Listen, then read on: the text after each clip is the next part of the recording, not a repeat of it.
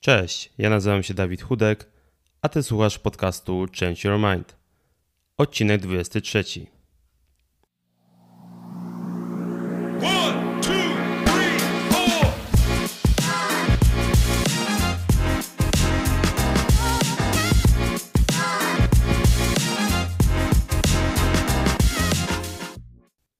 Moją misją jest zdefiniować na nowo rozwój osobisty, uczynić go bardziej dostępnym dla wszystkich i przekonać jak najwięcej ludzi, że zmiana w życiu jest możliwa, niezależnie od tego, w jakiej aktualnie sytuacji się znajdujesz. Podcast, którego właśnie słuchasz, jest elementem realizacji tej misji wraz z blogiem, do którego link znajdziesz w opisie każdego odcinka. W tej serii przeprowadzam wywiady z inspirującymi ludźmi, a także dzielę się swoimi przemyśleniami, które mam nadzieję skłonią Cię do refleksji i pobudzą do działania. Moim dzisiejszym gościem jest Radosław Kozal, który wspiera mentalnie mężczyzn oraz tworzy agencję wizerunkową People First. Pracuje w nurcie TSR, czyli terapii skoncentrowanej na rozwiązaniach. Rozmawiamy m.in. o tym, jaka jest definicja zdrowia mentalnego i w jaki sposób należy o nie dbać. Jak zdrowie psychiczne i fizyczne są ze sobą połączone. Co wpływa na to, że w naszym kraju mówi się mało o zdrowiu psychicznym mężczyzn i czy i w jaki sposób można przygotować młodzież do dorosłego życia, a także czy należy walczyć z mitem twardego mężczyzny. Mam nadzieję, że ten odcinek Ci się spodoba. Jeśli tak, to zapraszam do jego udostępnienia, a teraz, bez zbędnego przedłużania, zapraszam do wysłuchania naszej rozmowy.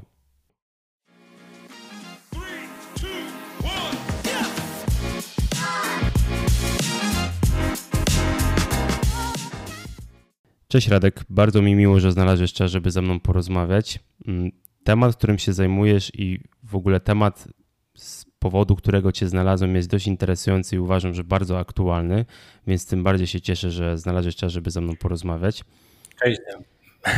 I oczywiście niezręczna cisza, gdy czekasz na, na odpowiedź. Więc tradycyjnie. Musimy się jeszcze wyczuć. Tak, dokładnie, trzeba to wyczuć. E, Więc e, chciałbym oczywiście zacząć od tego, żebyś powiedział kilka słów o sobie, czyli czym zajmujesz się na co dzień. Tak, czym się zajmujesz na co dzień. No dobrze. Jeśli chodzi o to, co się dzieje tu i teraz, to skupiam się przede wszystkim na wsparciu mentalnym mężczyzn. Pracuję mentoringowo i coachingowo w nurcie terapii skoncentrowanej na rozwiązaniach. Jest to metoda, która jest coraz bardziej popularna, m, powstała w latach 80. e, i generalnie jest bardzo bliska coachingowi. Natomiast ze względu na swoją historię, że tak powiem, historię sportowca, trenera, e, pracuję z ludźmi już łącznie 10 lat jako trener i upgrade'owałem się z, z, z trenera sportu na trenera biznesu i trenera mentalnego, bo no, w pewnym momencie swojej kariery zawodowej poszedłem trochę dalej w swoich kompetencjach, zapisałem się na studia i przeniosłem swoje kompetencje ze sportu do biznesu. To dla, w ogóle skąd pomysł, że zająłeś się zdrowiem mentalnym mężczyzn? Jakby jest jakiś tego powód? Mm, Powód jest we mnie, dlatego że ze względu na fakt, że e, no, doświadczyłem dużego kryzysu psychicznego związanego z wypaleniem zawodowym, e, z epizodem depresyjnym, udało mi się przełamać jakiś tam element mm, z jednej strony wstydu, z drugiej strony odwagi do tego, żeby pójść do terapeuty, przyznać się do, do popełnionych, że tak powiem, czynów, błędów, e, po prostu do słabości, myślę.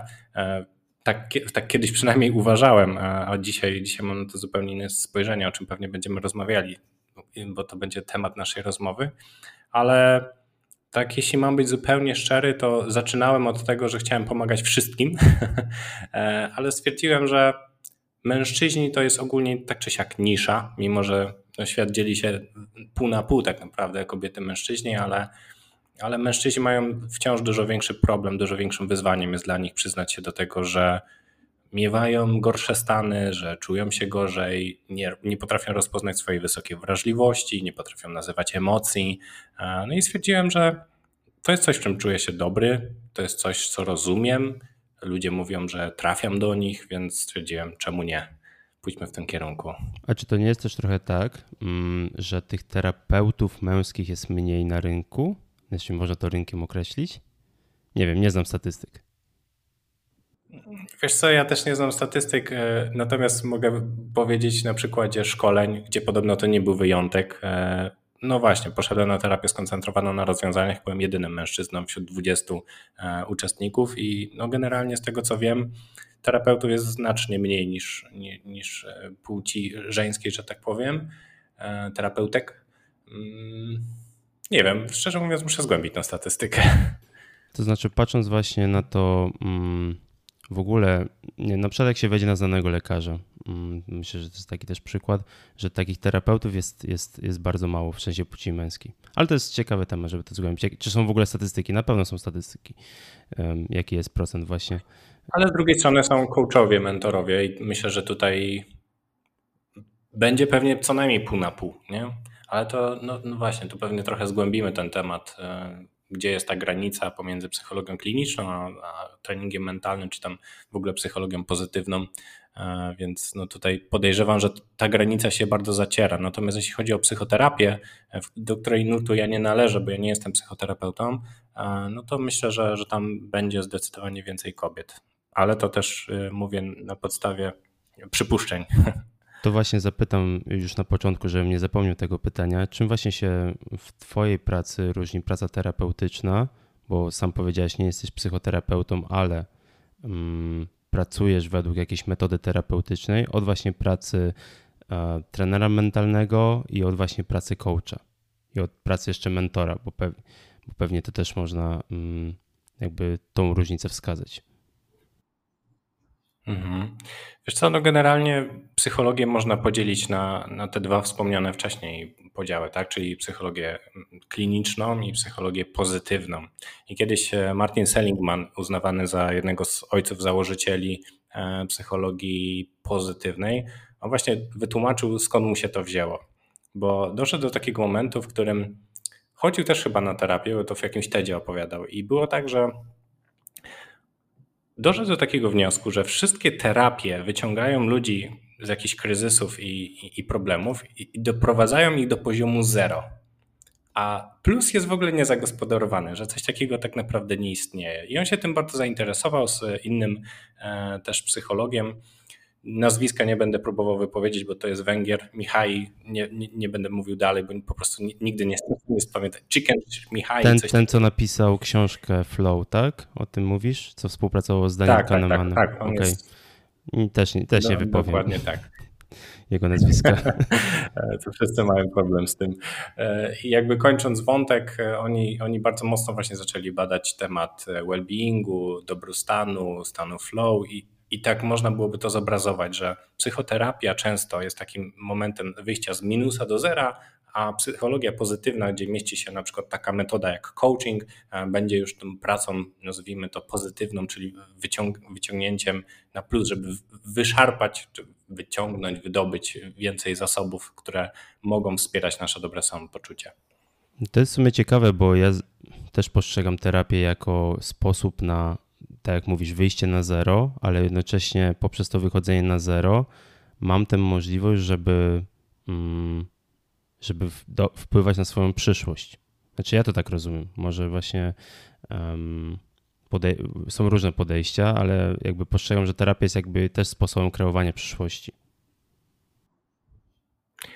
Na pewno tak jest, tylko Myślę, że terapia taka psychologiczna w dużej mierze skoncentrowana jest na tym, co było. E, a psychologia pozytywna mimo wszystko jest na tym, co jest i co będzie przede wszystkim. Nie? Nawet coaching rzadko kiedy odnosi się do przeszłości, chociaż no, prawda jest taka, że rozmawiając z ludźmi, no, oni zawsze będą wracali do tego, co już znają, co już przeżyli. I tak, tak jak właśnie na przykład TSR mówi, że jakby w przeszłości są zasoby do, do przyszłości, nie? czyli trzeba zbadać, zbadać w cudzysłowie oczywiście, co się wydarzyło, jak ktoś coś rozwiązał i zastanowić się, czy można to przełożyć, tą umiejętność na, na przyszłość, na zupełnie, inne, zupełnie inną płaszczyznę. Mhm. To wróćmy do podstaw, że tak powiem, więc co możemy zdefiniować jako zdrowie mentalne? Mówi się dużo o zdrowiu mentalnym, ale tak jak już wcześniej rozmawialiśmy, to jest um, chyba zaczerpnięcie i też to, co mi powiedziałeś, że to jest zaczerpnięcie raczej z angielskiego, właśnie mental health. Czy jakby me zdrowie mentalne możemy równać zdrowiu psychicznemu? Czy to są kompletnie dwie różne rzeczy? A co lepiej brzmi? Lepiej brzmi zdrowie mentalne, bo zdrowie Myślę, że- psychiczne może być źle kojarzone, nie wiem z czym.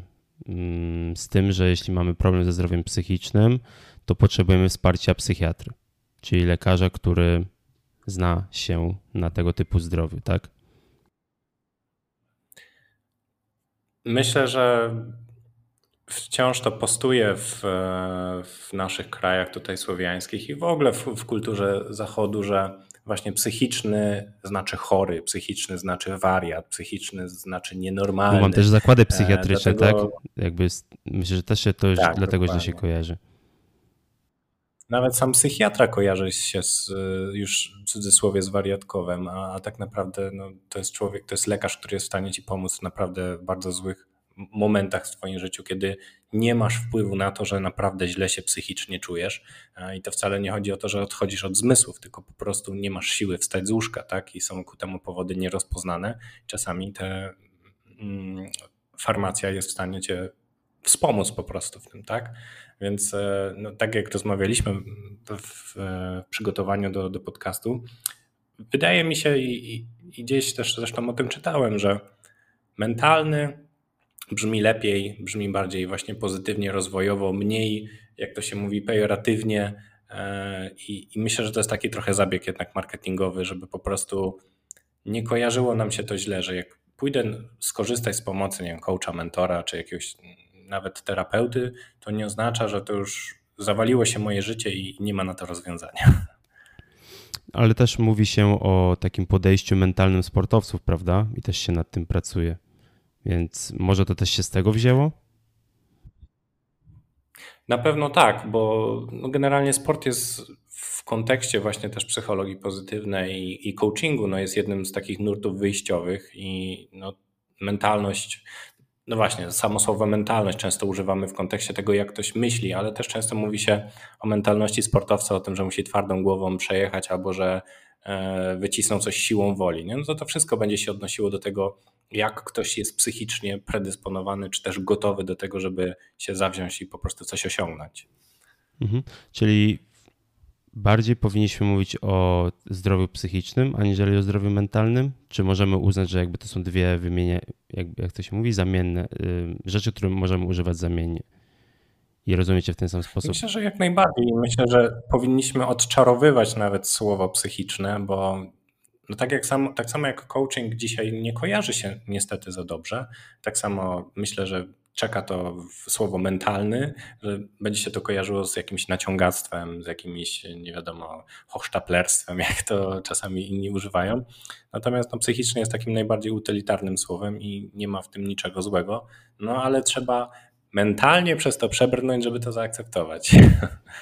Mm, Więc myślę, że jeśli będziemy tu mówili o treningu mentalnym, o, o mentalności, to to wszystko, mimo wszystko odnosi się do psychiki, czyli do naszego takiego samopoczucia związanego z tym, co myślimy, jak myślimy, mhm. I tutaj jakby od naszych postaw. pojawia mi się pytanie właśnie związane z tym naszym zdrowiem psychicznym, mentalnym, właśnie w nawiązaniu do zdrowia fizycznego, bo też e, pracowałeś, e, byłeś też sportowcem, pracowałeś ze sportowcami, z tego co zrozumiałem, tak? Tak. Więc Byłem trenerem kolarstwa. Okej, więc jak ty to widzisz właśnie w kontekście zdrowia fizycznego i psychicznego? Wiem, że to takie sztampowe pytanie, mm, ale jak te dwa zdrowia się uzupełniają i jak zaniedbanie jednego może wpłynąć na drugie? Znacząco i to też e, z naukowego punktu widzenia jest udowodnione, że zdrowie jest psychosomatyczne, tak? czyli jedno łączy się z drugim. Kiedy możesz być, jak to się mówi, koniem zdrowym, który po prostu jest w stanie szarpać ogromne ciężary, ale kiedy twoja psychika jest słaba, to automatycznie twoja zdolność fizyczna też podupada. I zdarzało się niejednokrotnie i sam akurat przez takie doświadczenia przeszedłem, że e, przez kryzys psychiczny nie byłem w stanie fizycznie z siebie dać więcej, co sprawiło, że moje umiejętności, wyniki zaczęły spadać i to zaczęło się przekładać też na moje działania też biznesowe między innymi. E, Więc tutaj był taki, taki pierwszy punkt, że tak powiem, inspiracyjny, jak to jest, że, że no jakby tu mi coś zaczyna brakować, tu coś się z kasą nie zgadza i nagle ja nie mogę wycisnąć z siebie jakichś watów, no bo to kolarze akurat tak mierzą swoją siłę, więc e, no to jest ze sobą ściśle połączone po prostu.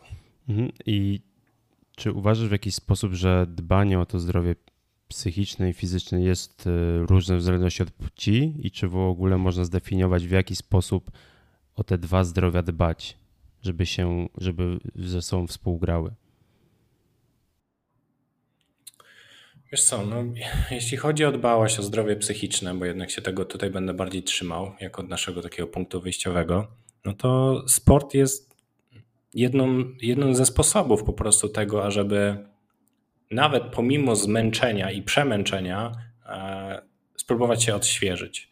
I to wynika z różnych powodów, między innymi e, z tego, jak funkcjonuje nasz mózg. Jeżeli zgłębimy się w to, w jaki sposób nasz umysł, nasz mózg funkcjonuje, to szybko dojdziemy do wniosku, że jednym ze sposobów na to, żeby go odświeżyć albo wyświeżyć, jest po prostu aktywność. I to może być aktywność na poziomie takim ala, nie wiem, spacer chociażby, tak, czyli musi być zieleń, bo zieleń generalnie natura bardzo dobrze wpływa na nasz umysł i nas odświeża.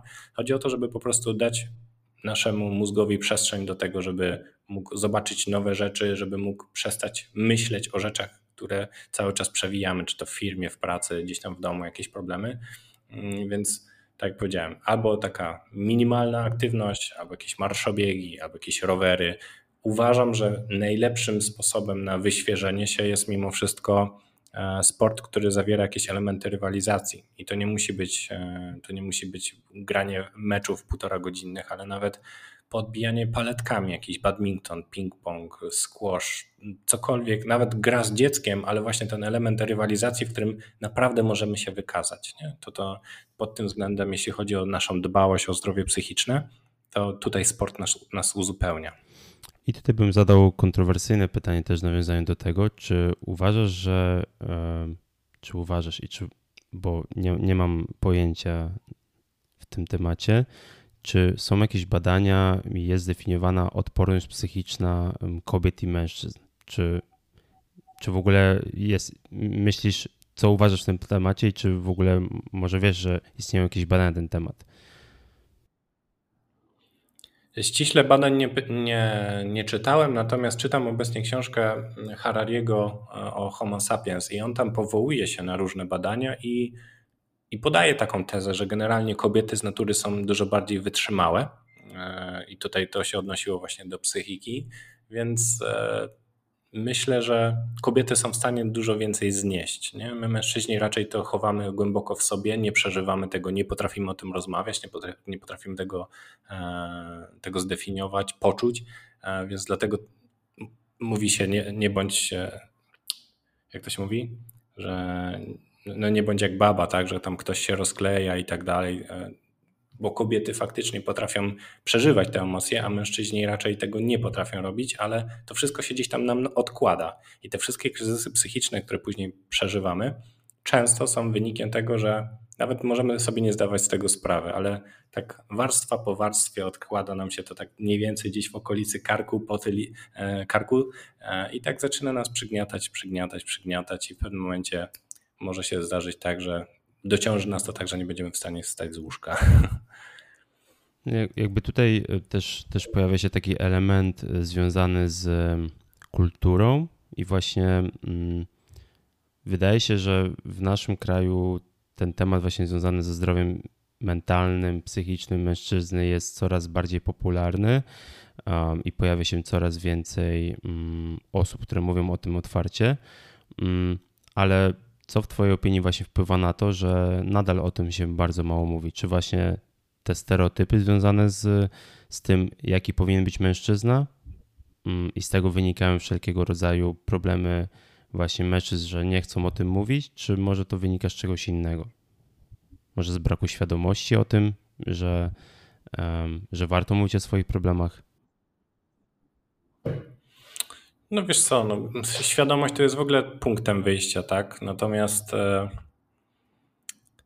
mówi się o tym coraz więcej, a być może też żyjemy trochę w takiej bańce, bo jak się zaczynasz tym interesować, no to automatycznie to zaczyna do ciebie trafiać. Niemniej wydaje mi się, że faktycznie tak jest, że coraz więcej osób, które mają duży wpływ, tak zwani celebryci, zaczynają się przyznawać do jakichś, e, do jakichś właśnie najpierw do błędów, potem do kryzysów, do, do depresji i tak dalej. Często się słyszy, że jakiś znany, popularny aktor, znany z tego, że jest super śmieszny i tak dalej, nagle okazuje się, że jest niezdolny do pracy. Jak to jest możliwe?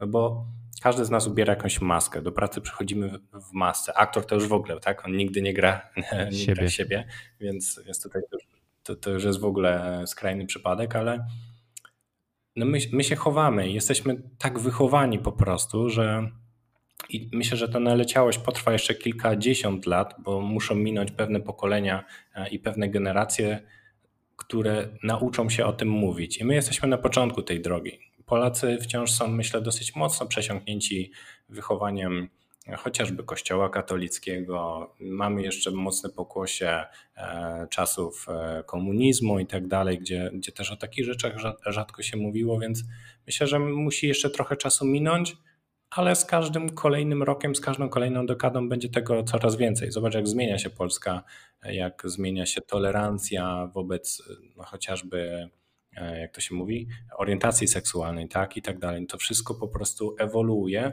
no tak jest skonstruowany świat, przez to, że dzisiaj mamy dostęp do informacji i te wszystkie informacje cyfrowe tak szybko biegają świat, to też dzieje się dużo, dużo szybciej. Nie? To właśnie zastanawia mnie właśnie to, bo powiedziałeś, że właśnie żyjemy w jakiejś bańce i ja się bym z tym zgodził, że jeśli zaczynamy się interesować danym tematem, e, to automatycznie otaczamy się ludźmi, którzy się tym tematem zajmują tak samo jeśli otaczamy się ludźmi, którzy otwarcie mówią o tym zdrowiu psychicznym mężczyzn, to automatycznie właśnie mm, wokół nas są ludzie, którzy też o tym otwarcie mówią. Ale w takim razie, w jaki sposób można pomóc ludziom, którzy żyją poza tą bańką i nie mają dostępu do informacji? Chociaż to jest głupie stwierdzenie w mojej opinii, bo w dobie internetu każdy ma dostęp do informacji, ale w jaki sposób właśnie dotrzeć do ludzi, którzy są poza tą bańką, którzy nie wiedzą, że mogą mieć problem, a jednak mm, skierowanie się, poproszenie o tą pomoc mogło być dla nich przydatne i pomocne.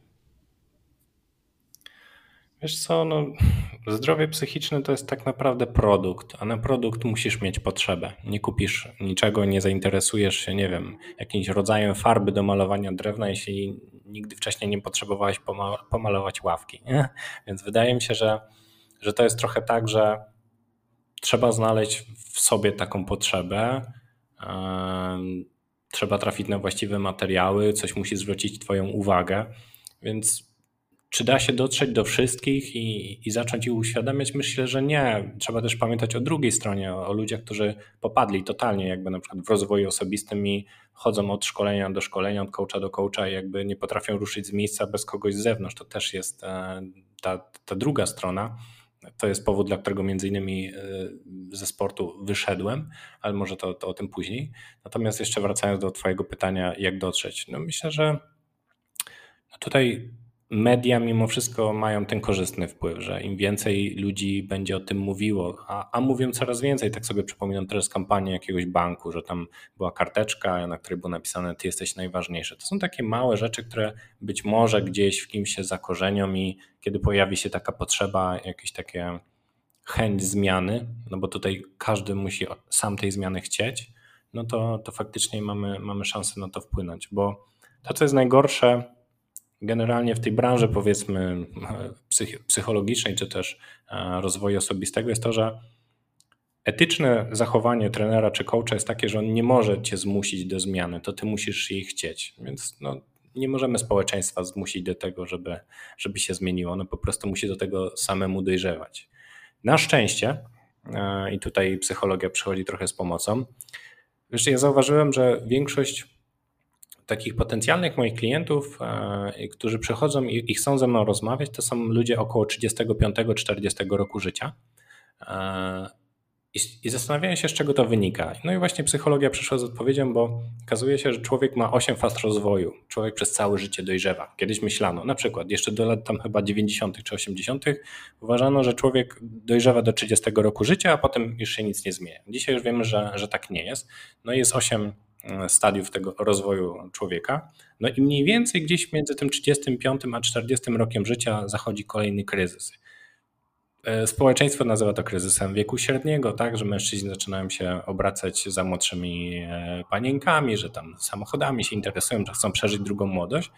No i to jest właśnie spowodowane tym, że zaczynamy dojrzewać e, i, i wielu ludzi nie ma tego świadomości, nie spostrzega tego, ale to jest po prostu wpisane w cykl naszego życia.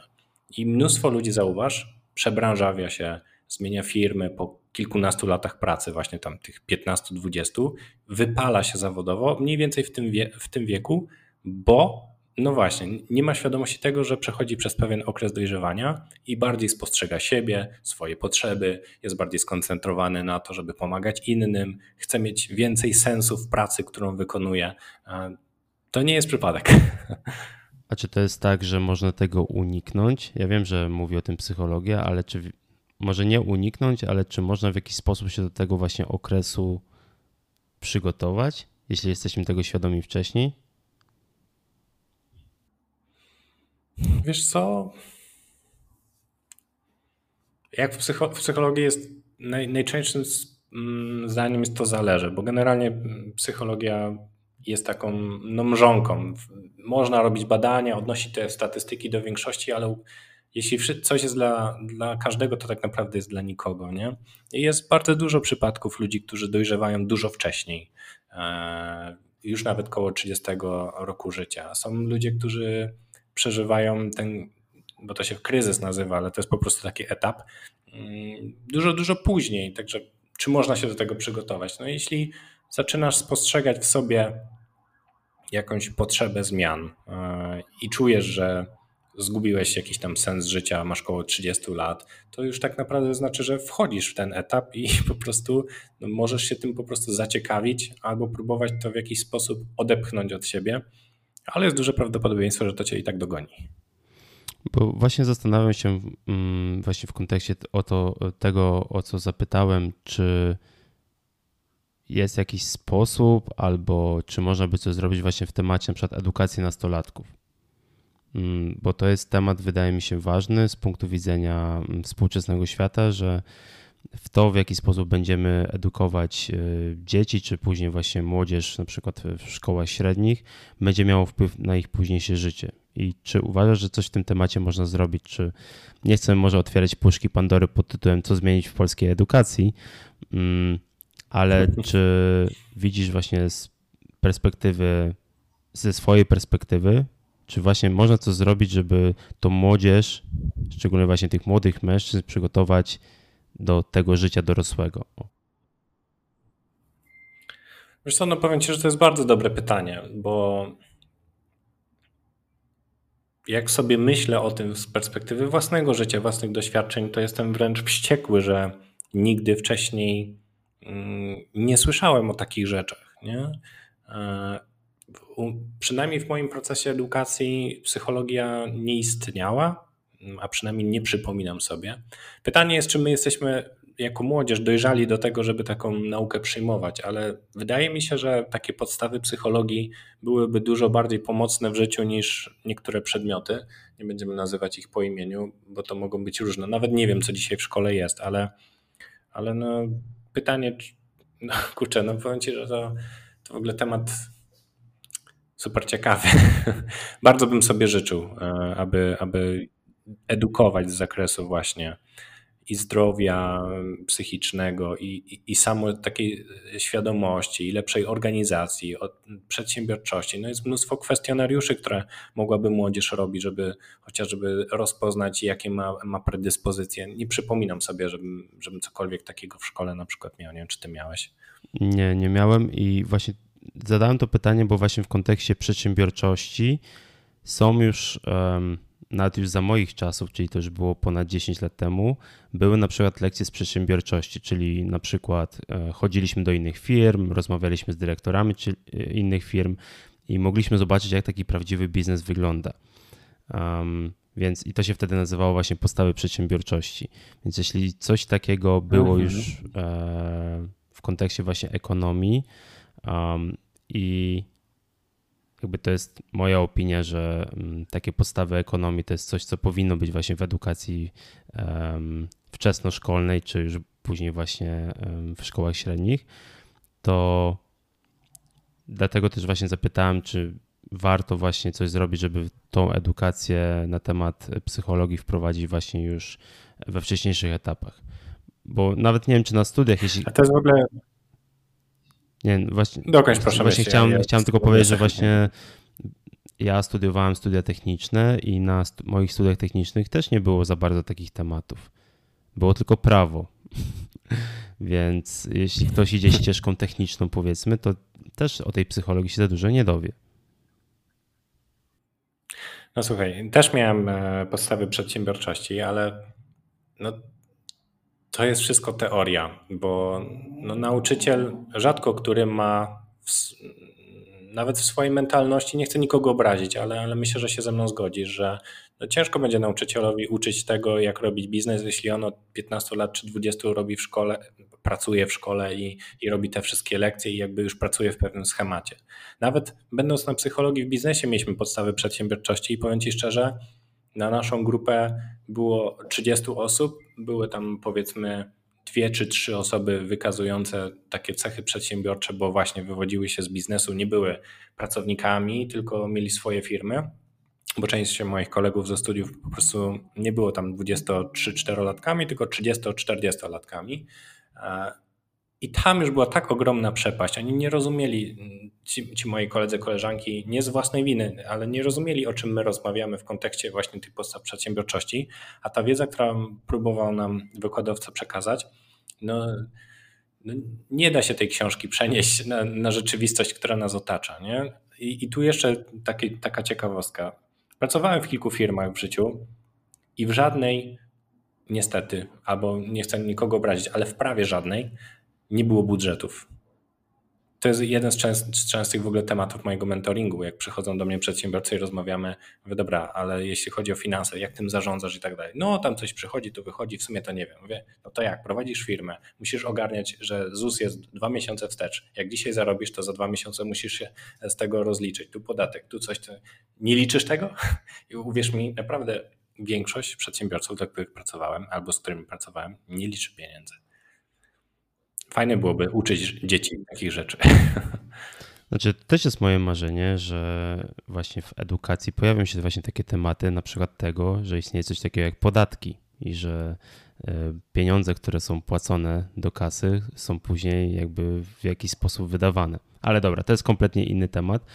Mm, Więc Tak, tak, tak, dokładnie. Y, Więc wracając do naszego głównego tematu, mm, ja sobie bym postawił kolejne pytanie, mm, w jaki sposób nie tyle co walczyć, a może pracować właśnie z mitem twardego mężczyzny, bo wydaje mi się, że takie właśnie przeświadczenie może istnieć w społeczeństwie, że mężczyzna to jest ten właśnie twardy, który trzyma e, rodzinę, e, utrzy, przepraszam, utrzymuje rodzinę i generalnie nie okazuje emocji. Więc w jaki sposób pracować um, z takim stwierdzeniem? I czy w ogóle, czy w ogóle trzeba? Hmm. Zadałeś to pytanie i na końcu zacząłeś wątpić, ale to znaczy, że w dobrym kierunku idziemy. Bo odnosimy się do tego, że zmiany trzeba chcieć, nie? że z tym nie można walczyć. No myślę, że jednym z, jedną z metod tego, jak można wpływać na to, mówimy o zachowaniach oczywiście etycznych, e, jest to, żeby po prostu więcej rozmawiać. A mówiąc rozmawiać, to znaczy mniej oceniać, więcej pytać. E, I myślę sobie, że zadałeś mi pytanie, jak, jak walczyć z mitem twardego mężczyzny. Jeśli mówimy, mówiliśmy wcześniej, że coraz więcej mówimy o tym, że, że ta świadomość się zmienia, no to w pewnym sensie to się już dzieje, tak? Więc trzeba byłoby się zadać pytanie, co dzisiaj jest mitem twardego mężczyzny. Więc zadam tobie to pytanie. Jak sądzisz, jaki, jaki to dzisiaj jest twardy facet? Ale w em, czyjej opinii? Mojej, czy... em, Jak, jak ty spostrzegasz twardego mężczyznę? Co on musi umieć, co on musi wiedzieć, co on musi robić? Znaczy, ja takiej definicji nie mam, ale jeśli mm, cofnąłbym się kilka lat temu, albo dobrych ponad 10 lat temu, to stwierdziłbym, że twardy mężczyzna to jest właśnie taki, który jest w stanie utrzymać całą rodzinę, który mm, nie ma pola do wyrażania swoich emocji, czyli mm, nie okazuje swoich uczuć. em, który rozwiąże każdy problem. O, to, to trzecie to szczególnie mm, bym zaznaczył, że jest w stanie rozwiązać każdy problem, nie tylko materialny. Mhm. No to widzisz, no to są trzy przestrzenie, z którymi można polemizować, nie? Bo, a zwłaszcza z tą drugą, no bo czy facet, twardy facet, tak jak e, to sobie tutaj roboczo nazywamy, czy on nie może wyrażać w ogóle emocji, czy pewnych emocji nie może wyrażać? Właśnie powiedziałbym, że pewnych emocji, bo mm, jakby emocje zawsze wyrażamy w różny sposób, werbalny, niewerbalny, ale właśnie powiedziałbym, że emocji, które mm, pokazują jego słabość. Ale... Słabość, czyli co? No właśnie, no właśnie. Nie wiem, słabość na przykład, że poprzez te emocje, które wyraża, pokazuje, że jest e, nie potrafi na przykład funkcjonować w społeczeństwie, nie? Na przykład, nie wiem, e, unika kontaktu z ludźmi. Ja bym to nazwał, że to jest w jakiś sposób zachowanie, które e, może wynikać z tego, że ktoś ma problem, że, że jakiś mężczyzna ma problem um, i w jakiś sposób pokazuje, że jest słaby. Bo unika kontaktu z innymi ludźmi, czyli nie chce jakby, nie wiem, nawiązywać nowych relacji i tak dalej. Aż miałbym ochotę tak typowo coachingowo zapytać, i co jeszcze? Znaczy, znaczy, szczerze mówiąc, jakby ja, ja nie wierzę w ten, jakby w tą definicję twardego mężczyzny, ale uważam, że wszystko to, co pokazuje tego mężczyznę w takim, mm, nazwijmy to w gorszym świetle w opinii innych ludzi, czy na przykład, nie wiem, płacze, na przykład taki bardzo prosty przykład, E, albo po, mówi, że czegoś nie potrafi, albo nie potrafi sobie poradzić z, z, z, aktualną swoją sytuacją, jest jakimś okazywaniem przez niego słabości i może jakby pokazywać, że nie jest twardy, o, nie jest twardym mężczyzną. Mhm. I myślę, że mężczyźni się boją to no, robić, no, też, niektórzy. Mi też kojarzy się twardy mężczyzna z takim, który właśnie jest pewna struktura i, i nie może się złamać z tego schematu, tak? Czyli nie może przyznać się do porażki, nie może przyznać się do błędu, e, nie przeprosi, e, nie zapłacze i tak dalej. Płacz to już jest w ogóle, powiedzmy sobie szczerze, skrajny przykład, który chociaż mimo wszystko przychodzi jako pierwszy, ale no właśnie jak można byłoby z tym w jakiś sposób w cudzysłowie walczyć, no to do takich małych rzeczy, od, od chociażby nauczania kogoś inicjatywy, w ogóle zauważenia tego, że okej, okay, no powiedziałem komuś coś, co było niemiłe. I większość ludzi z tym tak zostanie, nie? A moim zdaniem jedną ze zmian jest to, że okej, okay, to w takim razie odezwę się do tej osoby i powiem, wiesz co, tak sobie pomyślałem, powiedziałem coś bardzo niemiłego, co mogło cię zaboleć, chciałbym cię za to przeprosić. Czy komuś korona z głowy spadnie za, za takie zachowanie? Myślę, że nie. A tym bardziej taka osoba będzie postrzegana jako o kurczę, ale miło, że, że pomyślałeś i, i wiesz, i od razu odbudowujesz całą relację, zaufanie i tak dalej. W biznesie bardzo często niestety spotykam się z takimi zachowaniami, gdzie ludzie znikają, ludzie właśnie, nie wiem, podejmują jakieś decyzje, ale kompletnie ich nie potrafią uargumentować, nie potrafią dać feedbacku. I, to, i, i każda taka sytuacja tak naprawdę pokazuje, że ta osoba nie ma takiej umiejętności. Może to nie jest jej wina, tak? Ale można szukać szukać przyczyn, a najlepiej rozwiązań, jak można byłoby to zmienić. No to taki bardzo szeroki temat. Znaczy też mi, mocno, też mi, coś, też mi coś przyszło właśnie na myśl, że jeśli chodzi o tą definicję twardego mężczyzny, to też bym powiedział osoba, która stawia na swoje zdanie bardzo i nie bierze pod uwagę zdania innych. W sensie, um, no, że nie bierze pod uwagę zdania innych i myśli, że zawsze ma rację to też uważam, że to jest coś, nad czym można pracować. No nad każdą cechą tak naprawdę można, nie? Tylko, no właśnie, pytanie, jakie tego wszystkiego są konsekwencje. Wiesz, ja próbuję prowadzić agencję wizerunkową, social media w, w modelu turkusowym i ja już niemalże z tego wszystkiego trochę zapominam o, o takiej rzeczywistości, o której teraz rozmawiamy, nie? Jakby no, rozmawiasz z osobą, która bardzo dużo pracowała nad sobą i, wydaje mi się to już wręcz niemożliwe, żebym wrócił do takiego stanu, że nie wiem, podejmuję jakąś decyzję i nagle znikam, nikogo nie informuję i tak dalej. Oczywiście praca w modelu turkusowym, takim transparentnym, tak? Model turkusowy to znaczy, że mój zespół jest płaski, rozmawiamy o wszystkim, próbujemy wspólnie rozwiązywać tematy i tak dalej. Oczywiście są elementy podejmowania decyzji, ale no nie wyobrażam sobie, żeby mój zespół dzisiaj otrzymał informację, słuchajcie, zamykam biznes i cześć jak czapka, fajnie było i tyle, nie? I znikam. A niestety spotykam się z takimi hierarchicznymi mimo wszystko zachowaniami w innych firmach, gdzie ktoś podejmuje jakąś decyzję, nie powie w ogóle powodu, nie zostawi feedbacku.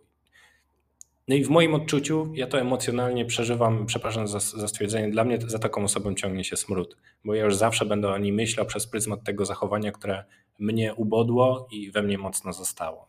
Ile byśmy fajnych rzeczy nie zrobili, to to już nie ma znaczenia, bo zostawił mnie z tą, z tą, z tą informacją. Prosty przykład, ostatnio byłem umówiony na sesję fotograficzną i osoba, z którą się mówiłem, nie przyszła, nie poinformowała. Widziałem, że odczytuje, ale nie odpisywała na wiadomości. I wcześniej miałem z nią super fajną rozmowę, miałem na jej temat, jej temat bardzo fajne zdanie, no ale po tym wszystkim teraz sobie myślę, nie mam ochoty już nic dla niej zrobić. Nie? Jakbym, nawet jakby mnie dzisiaj przeprosiła po tych kilku dniach, to myślę sobie, no kurczę, nie fajnie po prostu, nie?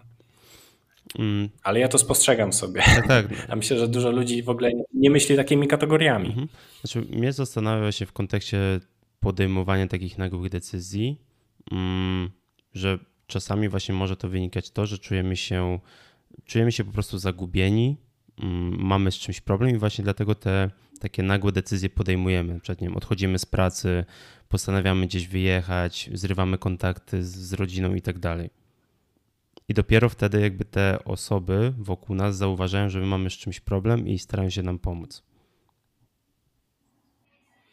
My często w ogóle mamy problem z rozmową z najbliższymi i to jest, to jest spory wyzwanie. Na przykład w małżeństwach tak jest. Mogę też powiedzieć na swoim przykładzie, bo no w tym roku z żoną mamy już 9 lat, jak jesteśmy razem. Ja widzę w naszym związku, że nam coraz trudniej się rozmawia o takich szczerych rzeczach, bo po prostu no, wkrada się gdzieś tam ta monotonia, ta rutyna, pracy jest dużo, tutaj dzieci i tak dalej. Już czasami się nie ma siły po prostu, nie? A co dopiero ktoś, kto nie potrafi tego nazwać, tak? No my mamy super relacje i to jest dla mnie fantastyczne, najfaj, najfajniejsza rzecz w moim życiu, a mimo wszystko jest mi trudno. Nie? Ostatnio miałem taki przykład, że miałem naprawdę ciężki dzień, mój przyjaciel trafił e, do szpitala, walczył o życie, ja po prostu nie miałem ochoty wstać z łóżka tego dnia, ale poprosiłem żonę, wiesz co, ja dzisiaj daj mi poleżeć, po prostu daj mi poleżeć. Ale też dojrzewałem do tego kilka lat, bo kiedyś nie umiałbym tego tak nazwać. Nie? W tym pomógł mi proces terapii, później właśnie też e, spotkania z coachami, spotkania z, men e, z mentorami.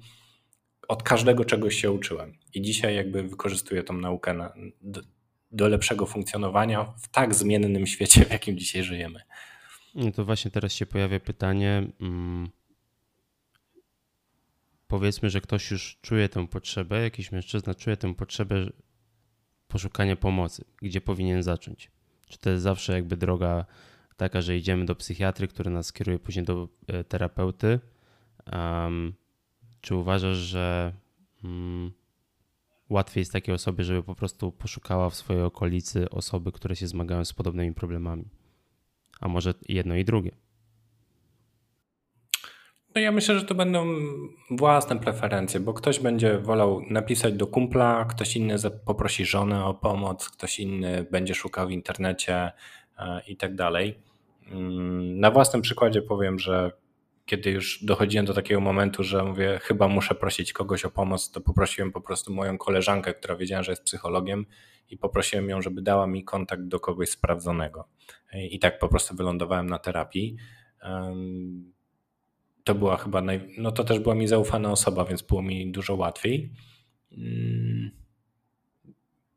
myślę, że po prostu kontakt z psychologiem i przełamanie się i, i, ten element trochę odwagi mimo wszystko, bo, bo to jest trudne. Ja sobie z tego zdaję zupełnie sprawę. E, no to jest taki chyba pierwszy, pierwszy krok, ale jak do niego dojdziemy, no każdy musi znaleźć swój sposób, nie? Bo jakby w tym kontekście też myślę, że mm, i to też o to też chciałbym zapytać. Jeśli już wiemy, że potrzebujemy pomocy i szukamy tej odpowiedniej osoby, na przykład terapeuty, czy to jest tak, że powinniśmy po prostu popróbować z różnymi nurtami, podejściami? Um, czy potrafimy po prostu zdefiniować w jakiś sposób, jakiej konkretnie pomocy potrzebujemy? My sobie możemy o tym teraz rozmawiać, ale jak ktoś jest w takim kryzysie i zamknięty w swojej takiej, wiesz, mentalnej bańce, w której po prostu nie widzi rozwiązań, to, to myślę sobie, że jakakolwiek próba to już jest na plus. Nie? Oczywiście mm, tak, tych, tych nurtów terapeutycznych jest bardzo dużo. Sam nie wiem, jaki bym dzisiaj wybrał. No, chyba TSR mimo wszystko, bo jest mi najbliższy, ale no nie wiem. No, powiem szczerze, że nie potrafię Ci odpowiedzieć na to pytanie, dlatego że ono jest bardzo rozległe. Nawet nie czuję takiej kompetencji, żeby komuś powiedzieć: Słuchaj, no, dla takiego taka terapia, dla takiego taka terapia. Myślę sobie mimo wszystko, że dobrym pierwszym krokiem może być chociażby spróbowanie coachingu, po to, żeby po prostu określić, na czym stoję. No i tylko warunek podstawowy jest taki: jeżeli to musi być ktoś, kto spostrzeże, że dana osoba, która przychodzi po tą pomoc, czy, czy po jakieś rozwiązanie, może mieć głębszy problem, tak? I wtedy odesłać ją do właściwej osoby, chociażby do psychiatry, po to, żeby porozmawiać o, o, o postawieniu ewentualnej diagnozy, bo coaching czy na przykład TSR nie stawia diagnoz. On pomaga po prostu tu i teraz. To jest takie szybkie, mm, to jest taka motywacja zewnętrzna, która jest po prostu jak zastrzyk, nie? E, to czasami wystarcza, czasami na chwilę, czasami na dłużej. E, czasami okazuje się, że ten problem jest bardzo głęboko, ale on w sumie jest błahy. E, no ale jeżeli ktoś przychodzi i, i, w ramach tego nawet procesu coachingowego cały czas wraca do jakiejś zaszłości, do jakichś tematów związanych z rodzicami i tak dalej, może się okazać, że tam terapia byłaby dobrym rozwiązaniem, żeby pogłębić to, co, to, to, to, co nazwijmy to zalega.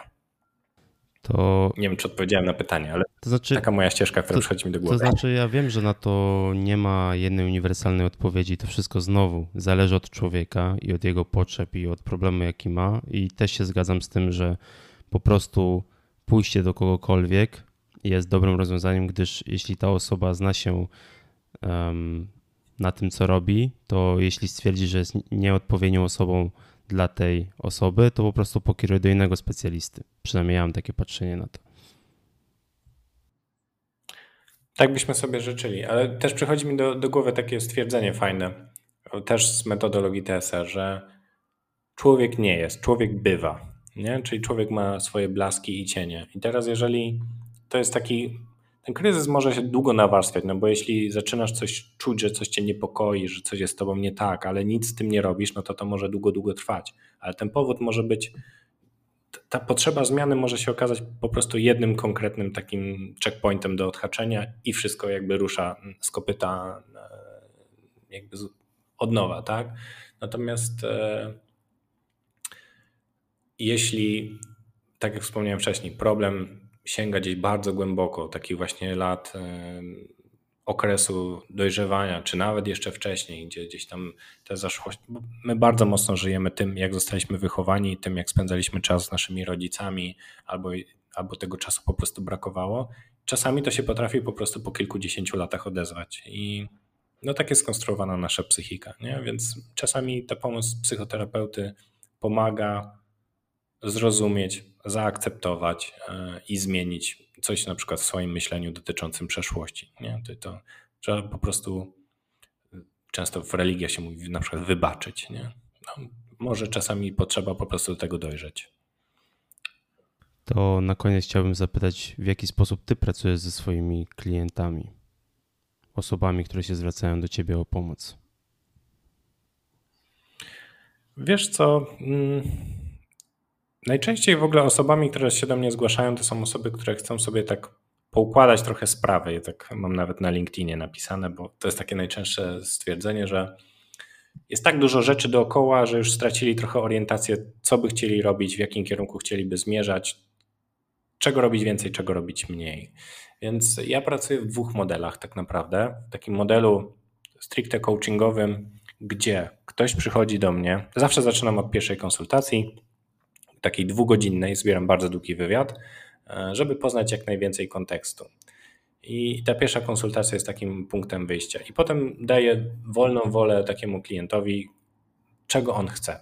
Czy chce przychodzić tak, jak jemu się podoba, w takim rytmie, jak mu się podoba, z takimi mm, e, wyzwaniami, jakie mu się podobają, że on we wszystkim jakby decyduje. I to jest droga coachingowa, gdzie nie ma absolutnie poradnictwa. Spotykamy się na 50 minut, rozmawiamy o różnych rozwiązaniach. Ja po prostu jestem takim, wiesz, lustrem, który zadaje pytania, daje feedback, mówi o odczuciach, a ta osoba dalej decyduje sama, co chce robić. E, a druga, drugą metodą, którą pracuję, jest mentoring, gdzie pojawiają się elementy poradnictwa, chociaż i tak zawsze dążę do tego, żeby to minimalizować. Tak? Czyli ktoś przychodzi, zwykle mentoring trwa trochę dłużej, tak 75 minut, 90. Rozmawiamy o różnych aspektach. Staram się rozmawiać taką metodą coachingową, żeby wydobywać z tego klienta jak najwięcej, żeby on jak najwięcej rozwiązań generował sam z siebie. A jeśli mi przychodzą po drodze jakieś rozwiązania, to na końcu dzielę się feedbackiem i decydujemy, którą metodą pójdziemy dalej, żeby osiągnąć cel, na który się umówiliśmy. Która z metod wydaje się być najbardziej rzeczywista, najbardziej pomocna. Bo są klienci, którzy przychodzą i mówią: doradź mi, a są tacy, którzy po prostu chcieliby porozmawiać. Nie? Więc doradztwo, że tak powiem, to jest ten mentoring, a ta rozmowa taka szczera i otwarta to jest coaching. To gdzie można znaleźć więcej informacji na temat Twojej działalności, jeśli ktoś chciałby się z Tobą skontaktować albo poczytać e, na te Twoje posty? Obecnie jestem w kilku źródłach. Jestem na LinkedInie, po prostu jako Radosław Kozal. E, jestem na Facebooku. To jest taki mój źródłowy blog. E, nazywa się Work Life Sport Balance. No i strona internetowa www.radosławkozal.pl. Tam też e, prowadzę bloga z takimi wpisami właśnie historie z gabinetu, mm, gdzie nie opisuję wprawdzie historii, które dzieją się e, w trakcie rozmów, bo jakby nie mogę tego udostępniać, natomiast tworzę takie fabularne, inspirujące wpisy, które pokazują, jak komuś coś się tam pozmieniało nagle w głowie i podjął jakieś różne decyzje.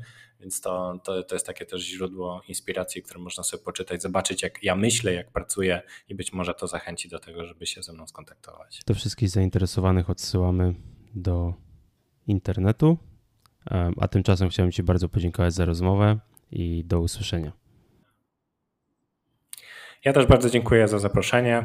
Mam nadzieję, że ta rozmowa była inspirująca. No i cóż, do zobaczenia.